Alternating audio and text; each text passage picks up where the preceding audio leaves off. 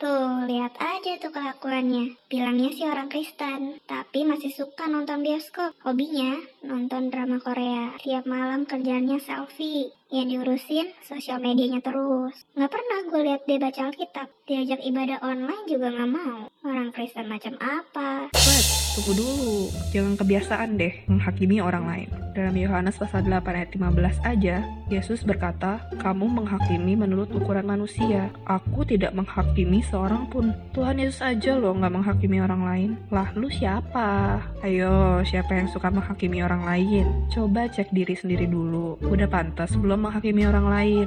Apa kamu lebih daripada Tuhan?"